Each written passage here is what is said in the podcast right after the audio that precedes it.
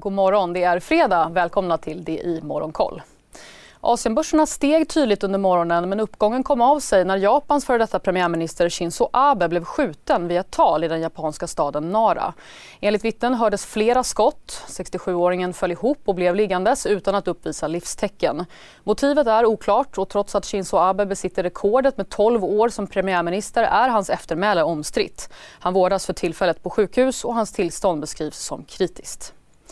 Vi lämnar Asien, fortsätter på hemmaplan med ytterligare rapporter från fastighetssektorn. Atrium Ljungbergs andra kvartal var i linje med förväntan med hyresintäkter på knappt 620 miljoner och driftöverskott på 427 miljoner. Förvaltningsresultatet understeg förhandsprognoserna och blev 268 miljoner. Fabg visade liknande styrka i förhållande till förväntningarna. Hyresintäkterna var knappt 740 miljoner, förvaltningsresultatet knappt 350 miljoner, driftöverskottet 540 miljoner. Båda aktierna har straffats drabbats på börsen till följd av stigande räntor och nedgången summeras till drygt 30% hittills i år. SAS får godkänt av amerikansk domstol att fortsätta bedriva verksamhet efter ansökan om konkursskydd. Samtidigt krymper bolagets kassa snabbt. SAS har enligt egen uppgift 7,4 miljarder i kassa, 400 miljoner mindre än när ansökan lämnades in i tisdags. Bolaget har heller inte lyckats hitta nya större långivare för att minska skuldsättningen. I de sekunderna när jag är i luften så är det en kamp på liv och död. I Spotlights serie Vinnarskallarna minns stjärnorna själva de dramatiska svenska sportögonblicken. Hör Anja Persson berätta om när hon kraschade i OS-backen men reste sig igen. Jag ville vinna över berget. Vinnarskallarna. Nytt avsnitt varje fredag. Sök efter podden Spotlight.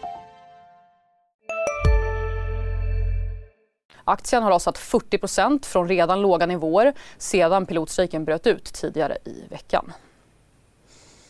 Aktivistfonden Elliott Investment köper aktier i Swedish Match för att blockera budet från Philip Morris. Det är enligt källor till Bloomberg News. I maj la Philip Morris ett bud på 106 kronor per aktie för Swedish Match. Och enligt Washington Post är Tesla-grundaren Elon Musks bud på Twitter också i fara. Enligt hans team går det inte att verifiera Twitters siffror på falska eller spamkonton som bolaget uppgett understiger 5% medan Musk uppskattar det till 20% Musks team har därför upphört att föra samtal om en finansiering av affären enligt Washington Posts källor. Och medan Goldman Sachs skruvar ner tillväxtprognosen för USA till 0,7% för årets andra kvartal från tidigare 1,9 ser Fed-chefen i St. Louis, James Bullard, inte en recension på horisonten för amerikansk ekonomi. Basscenariot är en mjuklandning med en tillväxttakt på 2% i år från starka 5,7 i fjol. Bullard sa också att han stödjer en räntehöjning på 75 punkter i juli samt ytterligare räntehöjningar till 3,5% vid årsslutet. Till sist så indikerar terminen för Stockholmsbörsen att fredagens öppning blir försiktigt i sidled. Det efter en uppgång för storbolagsindex med 5% den senaste veckan. De amerikanska börserna steg desto kraftigare under torsdagen med teknikaktier som draglok. S&P 500 steg 1,5% Nasdaq drygt 2% Det var allt för den här morgonuppdateringen, men följ nyhetsflödet när du vill på di.se. Med en värld i gungning blir det viktigare än någonsin med kunskap och diskussion. Att värna det fria ordet, för livet och demokratin. Så när du trodde att du visste allt, har vi alltid lite till. Privata affärer plus allt. All journalistik du behöver, samlad. Prova en månad gratis.